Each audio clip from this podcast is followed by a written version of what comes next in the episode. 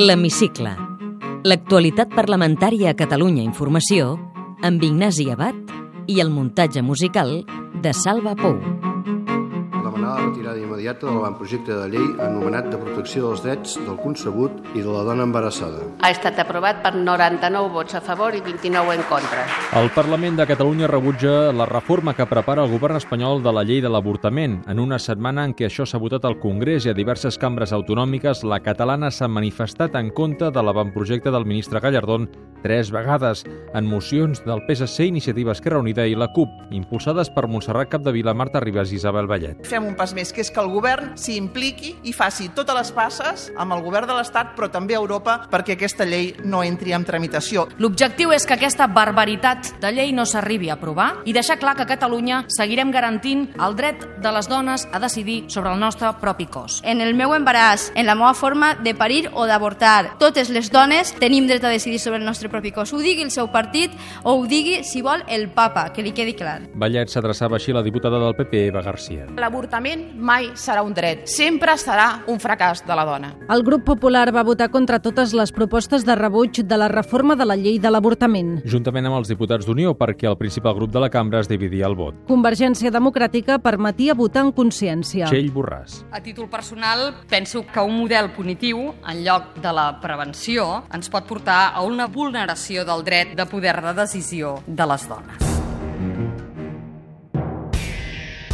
El debat sobre l'avortament va donar peu a moments d'alta tensió verbal a l'hemicicle. Sobretot entre el PP i la CUP amb la intervenció de la mateixa presidenta del Parlament. I com li deia senyora de la CUP, vostès són un grup antisistema, respectable, no ho sé, són un partit fossilitzat que forma part d'una ideologia extingida, són el parc juràssic del comunisme a Europa. Recordar-li que sobre les seues esquenes pesa una mort és la del senyor Alfa Pan a Mallorca, que es va quedar sense assistència sanitària. Jo demanaria a la diputada de la CUP que retiri... Jo no ho penso demanar. Doncs emprendrem les accions judicials que s'escaiguin perquè no pot ser que se'ns acusi de tenir una mort a les esquenes sense tenir proves com acaba de fer aquesta diputada que tinc a darrere. I abans vostè És què ha molt fet? greu. Lo que és greu és com vostès s'estan provocant aquesta tarda. Això sí que és greu. Tensió també entre la mateixa diputada popular i iniciativa. Amenaces de mort, escratxes a cases nostres. Si vostè té la dignitat, que jo crec que no, pugi en aquesta tribuna i condemni actuacions com la de l'Assemblea Feminista del Penedès.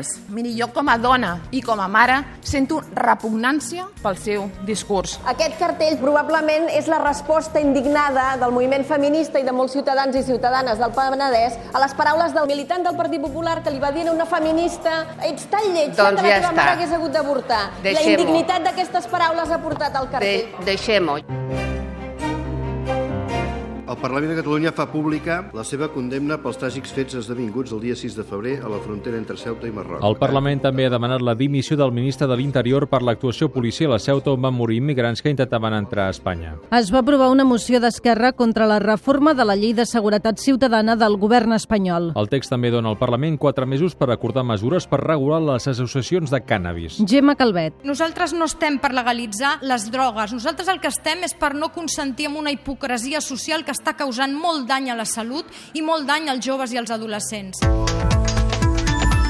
La proposició de llei d'horaris comercials i determinades activitats de promoció ha estat aprovada per 100 vots a favor, 19 en contra i 8 abstencions. Després de passar pel Consell de Garantia, s'ha aprovat finalment la llei d'horaris comercials. amb l'única oposició del Partit Popular i l'abstenció de Ciutadans. El dictamen del Consell ha obligat a ampliar de 8 a 10 els festius laborables. Xavier Crespo, de Convergència i Unió. Ens han dit que ha de ser així, doncs nosaltres fem aquests 10 dies, però els hi donem la potestat d'escollir-los en els ajuntaments. El popular Santi Rodríguez creu que s'ha legislat fent trampa amb aquests dos festius laborables addicionals. La normativa estatal recomana o parla de 12 diumenges, com a mínim han de ser 10, i vostès s'entesten en que siguin 8, perquè l'esmena que Convergència i Unió i Esquerra Republicana presenta perquè passin a ser 10 és una pirula. La llei vol combatre la liberalització d'horaris espanyola, subratlla la republicana Agnès Rossinyol. Amb el contingut d'aquesta llei defensem el decret d'horaris comercials i rebutgem les constants ingerències de l'estat espanyol sobre una matèria que és competència exclusiva de la Generalitat,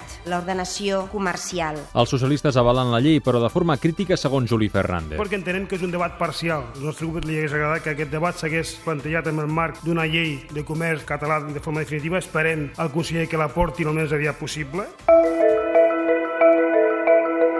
Ha superat el debat de totalitat sense cap esmena de retorn una reforma legislativa per donar coherència a quatre llibres del Codi Civil. La va presentar el conseller de Justícia. Germà Gordó. El projecte de llei de modificació dels llibres primer, segon, quart i cinquè del Codi Civil de Catalunya i de modificació de la llei 10 barra 2008 del llibre quart del Codi Civil de Catalunya relatiu a successions es pot considerar la primera harmonització de diversos llibres que conformen el Codi Civil de Catalunya, per tal de detectar les disfuncions lògiques que es deriven del fet de tractar-se d'un codi obert. En canvi, el ple va tombar la proposició del PP sobre autoocupació i foment dels emprenedors. Gràcies a les esmenes a la totalitat de Convergència i Unió, Iniciativa i la CUP. Sentim José Antonio Coto del PP i Mercè Jou de Convergència i Unió. Actuïn amb amplitud de mires i no tombin aquesta llei. Al contrari, els encoratgem a treballar per tal d'aconseguir fer un text que ajudi els emprenedors, que crec que és la voluntat de tots els grups. Si vostès retiren la pujada de les cotitzacions a la Seguretat Social dels autònoms, nosaltres retirem avui l'esmena a la totalitat. Votos emitidos 341. Sí 170. No 180. Abstención 1 no se toma en consideración. Per 10 vots de diferència, la majoria del Partit Popular al Congrés va tombar dimarts la llei sobre la dació en pagament que el Parlament va aprovar i va enviar a les Corts Espanyoles fa un any i mig. La van defensar sense èxit la convergent Meritxell Roger, el republicà Pere Aragonès i l'ecosocialista Salvador Milà. La propuesta que les presentamos pretende incidir en la regulación del mercado hipotecario, estableciendo nuevas normas de juego mucho más claras para evitar el sobreendeudamiento de las familias. A los diputados y diputadas del Partido Popular, hoy tienen a sus manos también ustedes una segunda oportunidad, la oportunidad de corregir la anomalía existente y dar solución razonable y justa a los centenares de familias afectadas. Por desgracia, los hechos demuestran que las buenas prácticas de los bancos y las cajas con sus deudores familiares y personales, que no con los promotores, son como las buenas prácticas de los lebreles con las liebres. Las marean para cazarlas mejor, pero desde luego no las salvan. A la sessió de control de dimecres, el president de la Generalitat va replicar les advertències sobre els perills de la independència que han plantejat aquesta setmana sectors empresarials. Artur Mas responia al Albert Rivera de Ciutadans. Jo el convido a vostè que escolti i no renegui ara d'aquells que vostès durant molts anys han aplaudit. Tan respectables aquestes opinions com les dels milions de persones que tenen noms i cognoms que vostè evidentment no deu conèixer, que són les persones que volen anar a votar i moltes d'elles que volen que Catalunya tingui un estat per ell mateix. El dia abans també es referien a les crítiques d'alguns empresaris empresaris contra el procés sobiranista, el popular Enric Milló i Isabel Vallet, de la CUP. És l'inici d'un degoteig d'entitats, d'empreses, que a poc a poc aniran perdent la por a dir públicament el que pensen. Si en un hipotètic món capitalista les coses no aniran rodades com volen els empresaris alemanys, doncs la porta fluixa.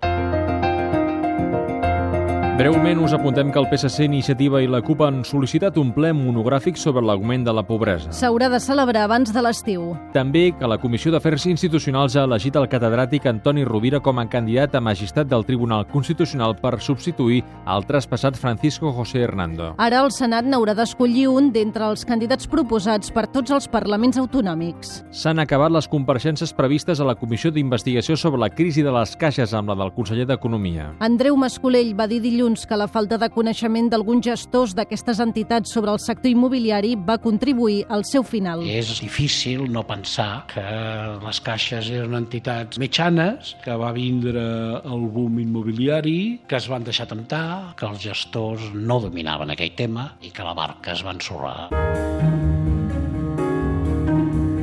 I abans del qüestionari acabem amb una altra picabaralla dialèctica que no ha passat desapercebuda al ple d'aquesta setmana. Durant la sessió de control i arran d'una pregunta sobre política lingüística, la intervenció del diputat de Ciutadans Carlos Carrizosa va indignar el republicà Oriol Amorós. Per una comparació amb el franquisme. Un país, una lengua, una escuela. És es un lema que podria subscribir Esquerra Republicana, Convergència i Unió i Franco. 45 alcaldes d'Esquerra Republicana fusellats, 793 militants d'Esquerra republicana afusellats entre l'any 38 i l'any 40. Senyor Amorós, senyor Amorós. Facin el favor de no insultar la memòria. Arran d'aquesta intervenció, Ciutadans ha presentat una queixa formal a la mesa per tractat discriminatori. Té la paraula Marc Vidal, sóc diputat del grup parlamentari d'Iniciativa per Catalunya Esquerra Unida i sóc regidor de Regencós, que és un poblet del, del Baix Empordà.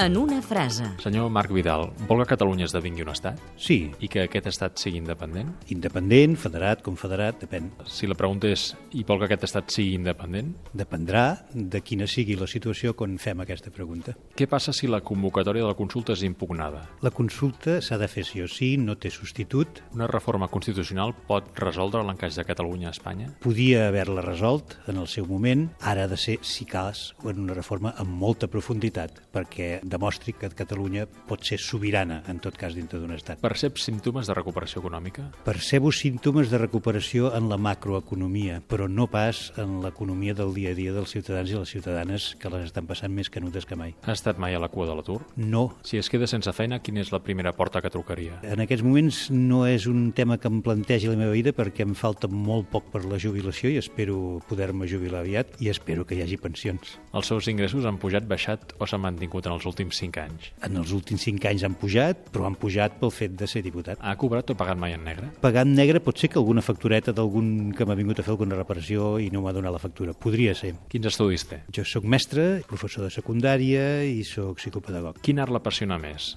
El cinema eh, i la literatura. Pel·lícula predilecta, 2001, una odissea a l'espai de l'Stanley Kubrick. I una novel·la que recomanaria a tothom, doncs, el Jo confeso del Jaume Cabré. Com reparteix les feines domèstiques a casa? Una part la faig jo, el tema de la roba, el tema de la compra al supermercat, i l'altra part la fa la meva companya. En quins pobles o ciutats ha viscut al llarg de la seva vida? Jo sóc de Mataró, a Peratallada, vam estar-hi també una bona temporada, i ara a Regencós. Fa meditació o esport? Miro de desentumir-me tant com pugui anant a la piscina. Quina és la cosa que l'omple més a la vida? L'amor, probablement, l'amistat. Creu en l'amor a primera vista? Sempre hi ha d'haver algun amor a primera vista, a segona i a tercera. Amb quin sex símbol compartiria una estona? Home, no ho sé, francament. Des del George Clooney fins a...